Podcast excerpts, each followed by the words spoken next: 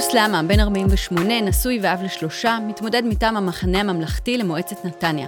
הוא בעל תואר ראשון בניהול מדעי המחשב ותואר שני בהצטיינות במדיניות ציבורית, עובד כיום כמנהל בחברת הייטק. היום הוא כאן איתנו לשיחה על האתגרים מולם ניצבת נתניה, על מעשיו במחאה נגד המהפכה המשפטית, ונשוחח גם על המלחמה, מנהיגות ועשייה פוליטית. שלום דודו. אהלן. ספר לנו למה החלטת לרוץ, להתמודד. זה הגיע יותר מלחץ מסביב בעצם של אנשים שבאו ופנו וביקשו בעצם שאני אכנס לתוך המשחק הפוליטי הזה בעצם בשביל לשנות דברים. מבחינתי תמיד הייתי פעיל, תמיד יצאתי למאבקים שדברים הפריעו לי, עשיתי את זה תמיד בכובעים של פעיל חברתי, לא נכנסתי בעצם למשחק הפוליטי. השנה האחרונה קצת שינתה דברים, הבנו שאנחנו מפקירים בעצם את ה... אני קורא לזה השירות הציבורי, אה, ניהול המדינה, ניהול אה, מוסדות ציבור בידי אנשים שהם לא בהכרח אה, ראויים ומתאימים. ועכשיו הגיע הזמן.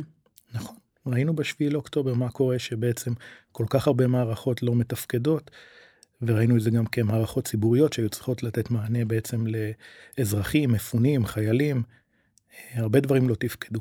תספר לנו מה עשית כשפרצה המלחמה. ביום הראשון פתחתי חמ"ל מאוד גדול, אה, גייסנו לאורך ארבעה חודשים מעל 20 מיליון שקלים, הבאנו לנתניה, דאגנו להכיל את כל המפונים בעיר, כ-6,000 מפונים כל יום בארוחות צהריים וארוחות ערב חמות. סיפקנו מעל 260 אלף מנות ארוחות חמות לכל המפונים. אה, דאגנו לשלוח לחיילים ציוד, רכשנו לחטיבת הצנחנים 12 רחפנים, לחפ"ק מטולה שני רחפנים, רכשנו מקררי שטח לגדודים. אה, ציוד all over בעצם. ומה אתה רואה ככה מסביבך במלחמה? מה אתה מרגיש? אתה רואה התגייסות אזרחית אדירה? אה, התגייסות אזרחית אדירה מול אה, חולשה מנהיגותית במדינה. כשאני מדבר על מנהיגותית אני לא מדבר רק על ראש הממשלה, אני מדבר באופן כללי. אתה רואה בעצם אנשים שלא יודעים מה זה לקחת אחריות. הרגשת שאתה מסתכל ימינה ושמאלה ואין אף אחד? כן, שאם אנחנו ככוח אזרחי, ציבורי, לא יקום ולא יתמוך באזרחים ולא יתמוך במפונים ולא יתמוך בחיילים, בעצם הם יפלו לתוך איזשהו ואקום שאלוהים יודע מה יקרה. אתה עצמך יליד קריית שמונה, אה, גדלת בתקופה עם קטיושות, איך, איך היה לגדול שם? אה, מוזר, היום בפרספקטיבה לאחור, שאתה מסתכל על הדברים, קשה קצת להבין איך גדלנו שם. איך ההורים שלנו גידלו אותנו שם. זאת הייתה השגרה, לא? זו הייתה שגרה לגמרי. תחשבי שאנחנו כילדים לא היה לנו צבע אדום, לא הייתה כיפת ברזל. פשוט היינו משחקים בחצר, היינו שומעים פיצוץ, ואז היינו עוצרים לרגע את המשחק, מנסים לנחש האם זה קטיושה שנחתה או ירי של צה"ל לבנון. פחד אלוהים. כן. המגרש שהייתי משחק בו תמיד בתור ילד מתחת לבית, הוא היה עם טיל קטיושה שפגע בו ישירות. היה בו חור שלא תיקנו אותו כמה שנים. מורשת. שהיינו משחקים כאילו ורצים סביבו כזה לא ליפול אה, ולא להיפצע. החור עוד שם? זה עוד אה, קיים? לצערי אה, בקריית שמונה רוב המגרשים בעצם חוסלו עם השנים הפכו לחניות היום זה כואב לראות אבל זה מגרש ששירת הרבה שנים את כולנו כילדים היום זה בעצם חניה לרכבים. איך היה לגדול שם? אני חושב שזה בונה אותך המציאות הזאת שאתה חי תחת קטיושות, אה, חדירות מחבלים. את יודעת, היינו, היה לנו שגרה מוזרה כזאת, אם היינו משחקים בחצר או בגינה או במגרש כלשהו, והיינו רואים פצצות תאורה, אז היינו יודעים שזה היה קוד כזה שיש אה, חדירת מחבלים, וצריך להיות uh, כרגע ערני טיפה יותר, ואולי לא להתקרב לאזורים מסוימים. שהיו קטיושות, או שנגיד שמעת בחדשות שנפגע אזרח בלבנון, אז ידעת שהלילה ישנים בחדר ביטחון כי יהיו קטיושות. זאת ילדות. כן. זאת גם ילדות. אתם גרים אה, בנתניה מאז 2006, מה אתה אוהב בעיר? קודם כל את האנשים, את האטמוספירה, זאת אומרת, כולם כזה מכירים את כולם. זה אמנם עיר שמתקרבת ל-300 אלף איש, אבל היא עדיין שכונה אחת כזאת גדולה בעצם, שכולם מכירים את כולם. יש לנו חוף ים מדהים, זאת אומרת, רצועת החוף הכי ארוכה בישראל, הכי מרשימה בישראל, צריך לשמור עליה, לדאוג בעצם שהיא לא תופקר לטובת רק יזמי נדל"ן ובאמת להבטיח שהטבע הזה שמשך אותנו לנתניה ועוד רבים אחרים אכן יישמר לטובת כולנו קודם כל. אז בוא רגע, ברשותך, נחזור לנקודה אחרת בזמן, שנה אחורה מהיום, אתה פעיל בולט במחאה נגד המהפכה המשפטית, קח אותנו לשם. אה, תחילת ינואר התחילה המחאה בעצם בתל אביב, אה, היו שבועיים שלוש של הפגנות, בשלב כלשהו פנו אליי מספר אנשים שיצאו לשם והתמידו שבוע אחר שבוע, והבינו שזה מתחיל להיות קשה ושוחק. אה, כי צריך לצאת מוקדם, בארבע, למצוא חניה רחוק, לצעוד, אחרי זה לחזור, גשם, כל הלוגיסטיקה הזאת. אתה יוצא בארבע, חוזר ב-12 בלילה הביתה, וזה הפך להיות מסובך. אה, החלטתי שאני כתוצאה מזה בעצם בא ומקים מוקד בנתניה, יצאתי עם בידורית, עם עוד כמה חברים. אה, להפתעתנו קבוצת וואטסאפ שפתחנו בעצם שזה היה כל מהות הפרסום שלנו לאותו, לאותה הפגנה ראשונה צמחה בקצב מטורף אה, תוך יומיים מהרגע שהודענו שזה ש, שתהיה הפגנה בשבת הגיעו כאלף איש. לא ציפית? אה, ציפיתי לכמה מאות לא לא לכמות כזו. הופתעת לטובה. הופתעתי לטובה ואני חושב שהסוד היה קודם כל דאגנו מההפגנה הראשונה להביא דוברים מעניינים. זאת אומרת, אה, נתניה לא רק התחילה להפגין, אלא היא גם הביאה אנשים שהם היו בתפקידי מפתח, מכירים קצת יותר דברים, והם יכלו לתת בעצם אה, זווית נוספת לכל הנזק שההפיכה המשטרית יכלה להביא בעצם למדינת ישראל, שאת חלקה ראינו, אה, ועוד נחווה אם, אם היא לא תיעצר. ואתה בכלל מאוד בקיא במאבקים חברתיים, זה לא עוזר לך, אתה עשית הרבה כאלו, תספר על אחד מהם. אה, לפני חמש שנים, חמש וחצי שנים, אני זוכר שעיריית נתניה גידרה תשעה דונם על חוף פולג, ממש עד קו המים, ותלתה שלטים של אה, סכנה, אתר בנייה. אף אחד מאיתנו לא ידע מה זה. אחד מחברי המועצה המכהנים באותה עת אה, העלה איזשהו פוסט, אנחנו מקימים לטובתכם כתושבים פארק שעשועים מאוד גדול. ואז בעצם היו קצת מחיאות כפיים של כל מיני אנשים אה, ברשתות, אבל באתי ושאלתי שאלות, כאילו, מי, מי קבע, אה, עם מי התייעצתם, איך יכול להיות שאתם נוגעים בקו המים אה, עם מקום שיהיה סגור, הלוא קו המים וחוף הים הוא שטח פתוח, הוא צריך אישורים של הוולחוף לכל הדברים האלה. התחלתי לשאול שאלות, התחלתי בעצם לעלות מדרגה עם מחאה ברשתות. שלחתי מכתבים גם למהנדס העיר, גם לראש העיר, וביקשתי תשובות לכל ההליכי תכנון ובנייה שקדמו לזה. אה, היה שלב שבעצם נכנסו איתי לאימוץ מצד העירייה. בשלב כלשהו, אה, דקה לפני שהוזמנתי לתוכנית של אורלי וגיא בבוקר לדבר על, על הפארק הזה, עיריית נתניה הודיעה שהיא גונזת את הרעיון ויורדת ממנו ובעצם מבטלת אותו. לימים ידענו שגם לא היו היתרי בנייה ולא היה אישורים לכל הדברים האלה. אז המאבק הזה הסתיים בניצחון. לגמרי. ועכשיו אתה בוחר אה, לרוץ ולהתמודד, איזה תפקיד אתה רוצה למלא במועצה? אה, יש שני דברים שמאוד קורצים לי, זאת אומרת שזה הסיבה שבגללה נכנסתי. אני חושב שאחד הדברים הכי קשים בנתניה, נתניה נמצאת במקום פנטסטי, זאת אומרת רצועת ים מדהימה.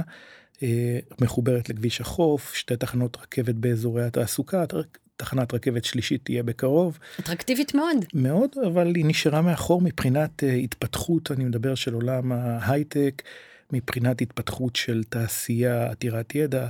קשה מאוד להביא חברות לנתניה, הטבעות נשארו מאוד ישנות ולא תואמות, רואים מה קורה בהרצליה פיתוח, רואים מה קורה אפילו ביוקנעם אין, פ... אין פיתויים בעצם. בדיוק, אין, אין פיתויים ליזמים בעצם לבוא ולקדם את האזור, ותשתית תחבורתית בעצם לא חושבת נכון, זאת אומרת שבונים תחנת רכבת באזור תעסוקה, לא צריך לחשוב איך מוציאים אנשים, צריך לחשוב איך להביא אנשים. זה יתרון גדול. בסוף, אנשים שנוסעים לעזריאלי, יורדים בעזריאלי ויש מגדלים בעצם ממשרדים. אז אתה רוצה מטרו. אני רוצה חיבור למטרו בנתניה לא יכול להיות שהמטרו בעצם הולך להכיל בעצם את כל מרכזי התעסוקה העיקריים של גוש דן והפריפריה מסביב אני קורא לזה. אה, אנחנו מדברים אפילו על עזריאלי בחולון אנחנו מדברים על קריית המדע ברחובות אנחנו מדברים על אה, רמת החייל בעצם כל האזורים האלה פתח תקווה קריית אריה כולם מחוברים בעצם למטרו נתניה נשארה בחוץ המטרו מגיע בעצם עד קו הרצליה רעננה אה, רמת השרון ולא ממשיך לנתניה. בפועל מה שזה יעשה בעצם שכל האזורים האלה יתפתחו בעצם כאזור תעסוקה מרכזי של מדינת ישראל, נתניה תהיה הפריפריה שלהם, ומי שירצה לצאת לעבוד בעצם יצטרך לנסוע אל אותם מקומות. איך הוא יעשה את זה? הוא יעשה את זה עם רכבים, וזה אומר שהוא ימשיך לשבת בפקקים כל יום, שעתיים וחצי הלוך חזור בעצם. לתוך הפקק הגדול ביותר של מדינת ישראל כדי לעבוד. אתה שם דגש על צעירים וגם על מערכת החינוך, חשוב לך להביא מורים טובים לעיר? איך עושים את זה? אז אני חושב שברגע שנדע אה, לשנות את האקוסיסטם הכלכלי ובעצם ליצור איזושהי חממה טכנולוגית נוחה לחברות הייטק בעיר, אז אנחנו נרצה לעשות גם את החיבור ואת ה engagement הזה בעצם בין שתי העולמות האלה, שני העולמות האלה בעצם, עולם ההייטק ועולם החינוך, ולעודד למצוינות ו- ולחיבור בעצם אל התעשייה, כי יכול להיות שיש היום כיתת סייבר איפשהו באחד מבתי הספר, מכיר כאלה, הקשר שלהם לעולם האמיתי, רופף. הוא, הוא, הוא רופף ולא קיים בכלל, שזו הבעיה הכי קשה. ואפשר לחבר. לגמרי. תגיד, דודו, מה חושבים במשפחה על הכניסה שלך לחיים הפוליטיים? איך, איך הם מגיבים? בעיקר כועסים. כועסים לא, עליך. לא, לא, לא, לא אוהבים את הרעיון, בסופו של דבר מבחינתם אנחנו חיים בעולם די נוח. אה, וכל אחד יכול להיות בפינה של עצמו ולחיות את החיים הנפלאים שהוא בחר לעצמו עם המשפחה, בלי להיכנס לתוך הרפש והלכלוך. אה, אבל אנחנו מבינים שאפשר להיות שם ואפשר לעשות מעשה. אה, אני מגיע ממקום שאי אפשר לשבת מול הטלוויזיה ורק לקטר. אתה רוצה בסוף כן לעשות, להיות חלק מהשינוי, כי לקטר זה קל. בסוף צריך, את יודעת, אה, לאזור אומץ, להיכנס לתוך העולם הזה, נכון, נקבל ביקורת, נקבל השמצות, נקבל הסתות נגדי, אבל בסופו של דבר אנחנו מספיק חזקים כדי להוביל דרך שאנחנו מאמינים בה, שהיא הדרך הנכונה גם לנתניה, ואולי גם למדינת ישראל בהמשך. אני תכף אשאל אותך, האם נתניה זאת רק אה, מקפצה, אבל עוד קודם לכן אתה אבא לשלושה ילדים, מתן בן 10, ליעד בת 13 וגל בת 16 וחצי. איזו מדינה אתה מאמין, באיזו מדינה אתה מאמין שהם צריכים לגדול? מדינה ליברלית, דמוקרטית, שבעצם נשים שוות זכויות לכל דבר. ראינו במלחמה האחרונה אה, את תפקידן של נשים בכל מקום, בכל אזור, בכל מערכת, אם זה המערכת הצבאית, המערכת האזרחית. בסופו של דבר, נשים צריכות להתקבל לכל מקום ולהיות שוות זכויות בעצם לגברים, בלי שאף אחד יאסור עליהם, אה, ימנע מהם או יעצור אותן. וככה אני מעודד את הבנות שלי גם. עכשיו אתה ממש מרים לי להנחתה לשאלה, אתה גדלת אה, בבית של הורים שעלו לישראל בשנות ה-50 וה-60 מתוניס וממרוקו, נתקלת בדרך שלך באיזושהי גזענות או אפליה? קודם כל גדלתי עם ארבע אחיות בבית, אני הבכור. אז אתה פמיניסט אמיתי. כן.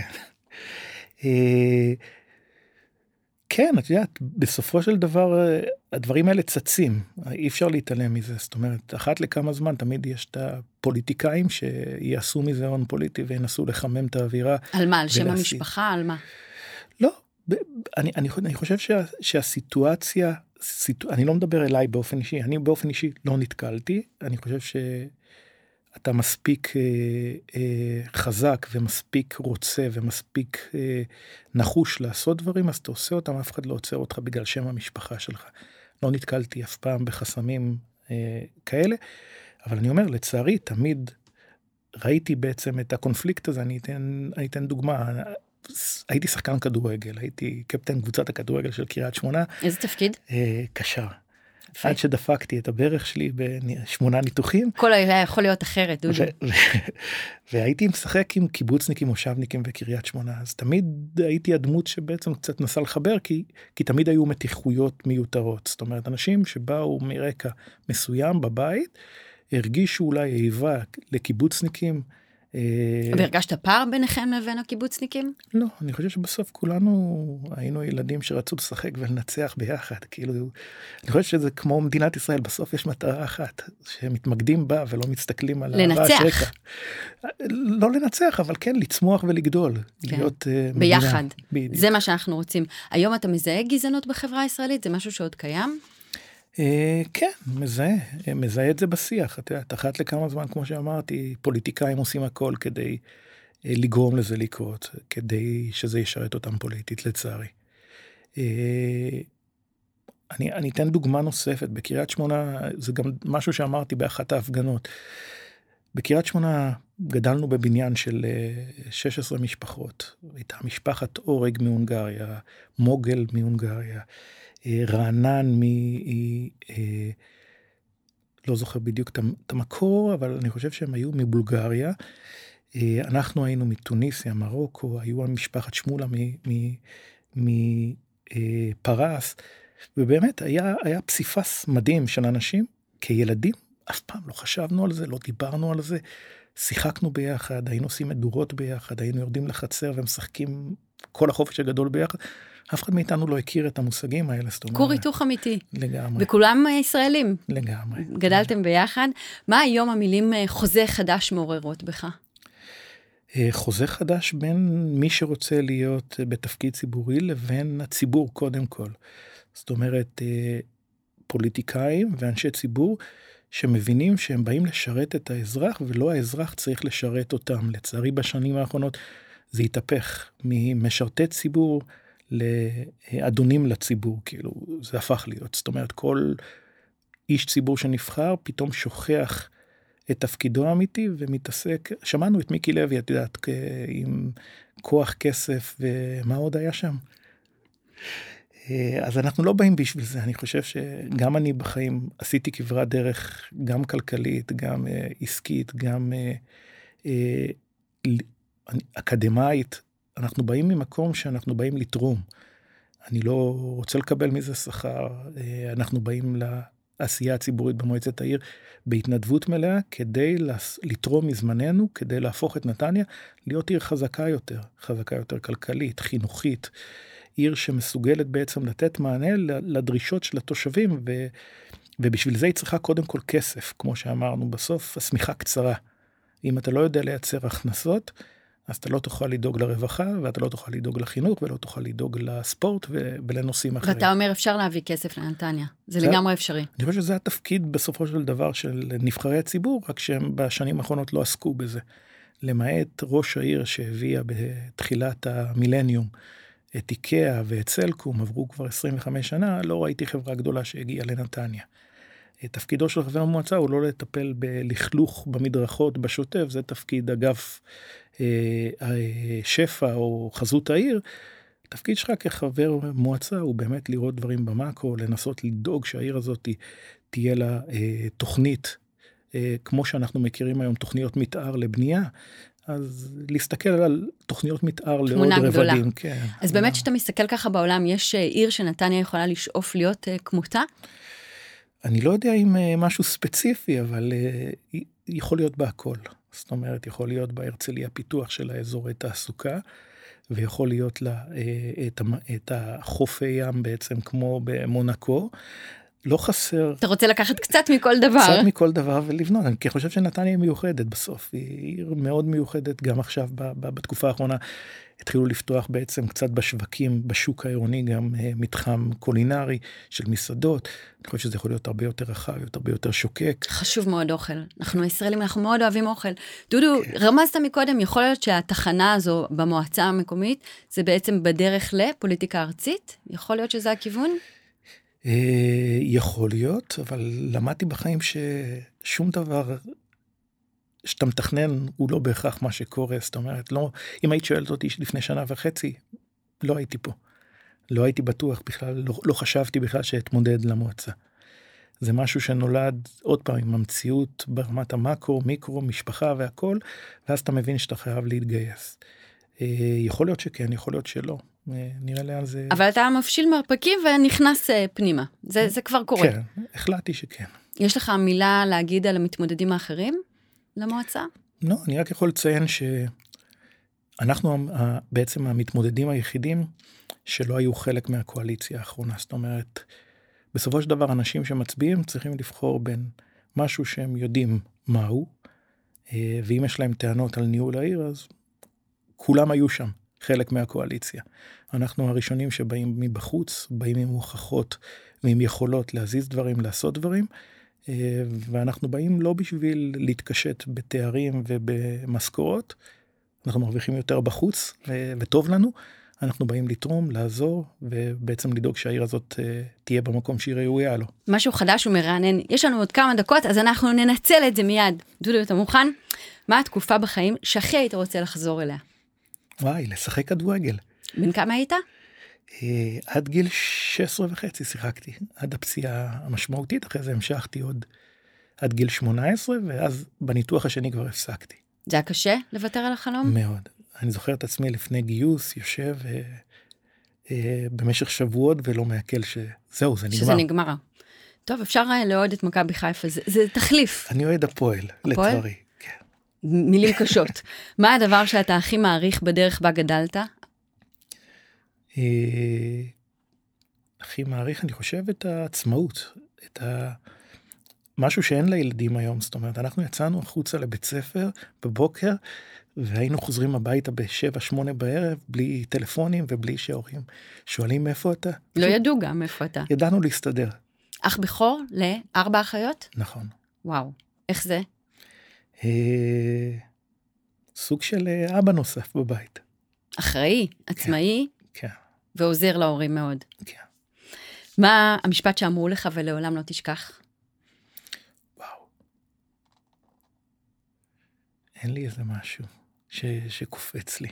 יש משפט שאתה אומר הרבה לילדים? אה,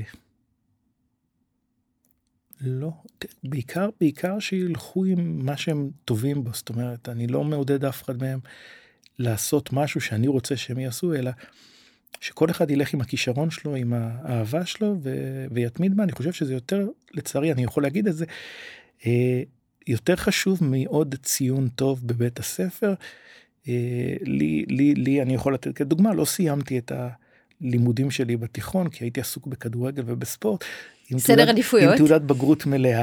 אה, היה חסר לי, הייתה חסרה לי בגרות בספרות שלא עשיתי. אבל השלמת, כי יש לך היום כן, שני תארים. כן, כן, אז בסדר, אז לא בדיוק. בתיכון, אבל אחר כך. בדיוק. מה המילה האהובה עליך? אה, נחישות. אני חושב שבסוף נחישות היא הכל. ואני אתן דוגמה, הבת שלי. היא למדה בבית הספר ליד הבית, בשכונה, ואחרי שנה אה, בחטיבת הביניים היא החליטה שהיא רוצה ללכת ו... עם החלום שלה, שזה לרקוד. היא רקדנית, והיא הלכה בעצם לבית ספר שנמצא בצד השני של העיר. היא קמה בשש וחצי בבוקר, אה, היא בשש וחצי בבוקר כבר יוצאת לאוטובוס כדי לנסוע אה, שעה אל בית הספר, במקום להיות באזור הנוחות ליד האח- האחים שלה, קרוב לבית, והחברים שלה. היא עזבה את כולם בלי חברים נוספים, והיא נוסעת כל יום, מבחינתי זה כל הכבוד. נחישות. זה ממך, זה ממך היא קיבלה. דודו, יש לך זיכרון מהילדות שתוכל לשתף אותנו? אני זוכר שבגיל חמש וחצי, שש, אה, התחלתי לטעות על, על דברים ולא לקבל אותם כמו שהם. אה, אני זוכר שישבתי בחדר ביטחון, תקופה של קטיושות, ואני רואה טלוויזיה, אני יושב על הרצפה ואני רואה את מנחם בגין, ומבחינתי זה כאילו תורה מסיני, ראש ממשלת ישראל, נואם מעל דוכן הכנסת ואומר, אני מבטיח לקריית שמונה, לתושבי קריית שמונה, שלא ייפלו יותר קטיושות בקריית שמונה.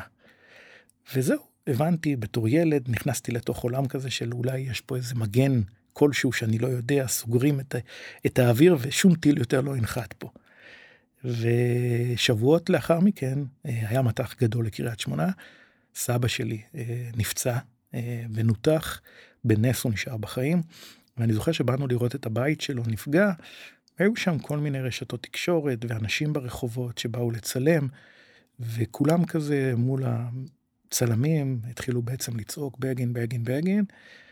ואני הולך עם אבא שלי יד ביד, ואני שואל את אבא שלי, למה כולם מעודדים את בגין? הלוא בגין שיקר לנו, הוא אמר שלא יהיו קטיושות יותר בקריית שמונה, והנה סבא נפצע.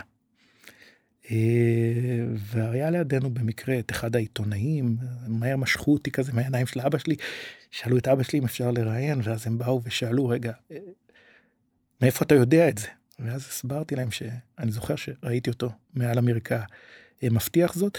אני, אני ברור לי שבגין לא שקרן היום, אבל בתור ילד בעולם שגדלנו בו, שחור ש... ולבן. יש שחור כן. ולבן, ושמישהו אומר לך משהו, אז הוא מבטיח והוא צריך לקיים. הבטחות של מנהיגים, בדיוק. אנחנו שבעים מהם. אז היום אנחנו יכולים להתגעגע למנחם בגין לעומת ההנהגה שיש לנו לצערי. דודו, תודה רבה על הדברים האלה, השארת לנו המון חומר למחשבה. תודה רבה. תודה לכם.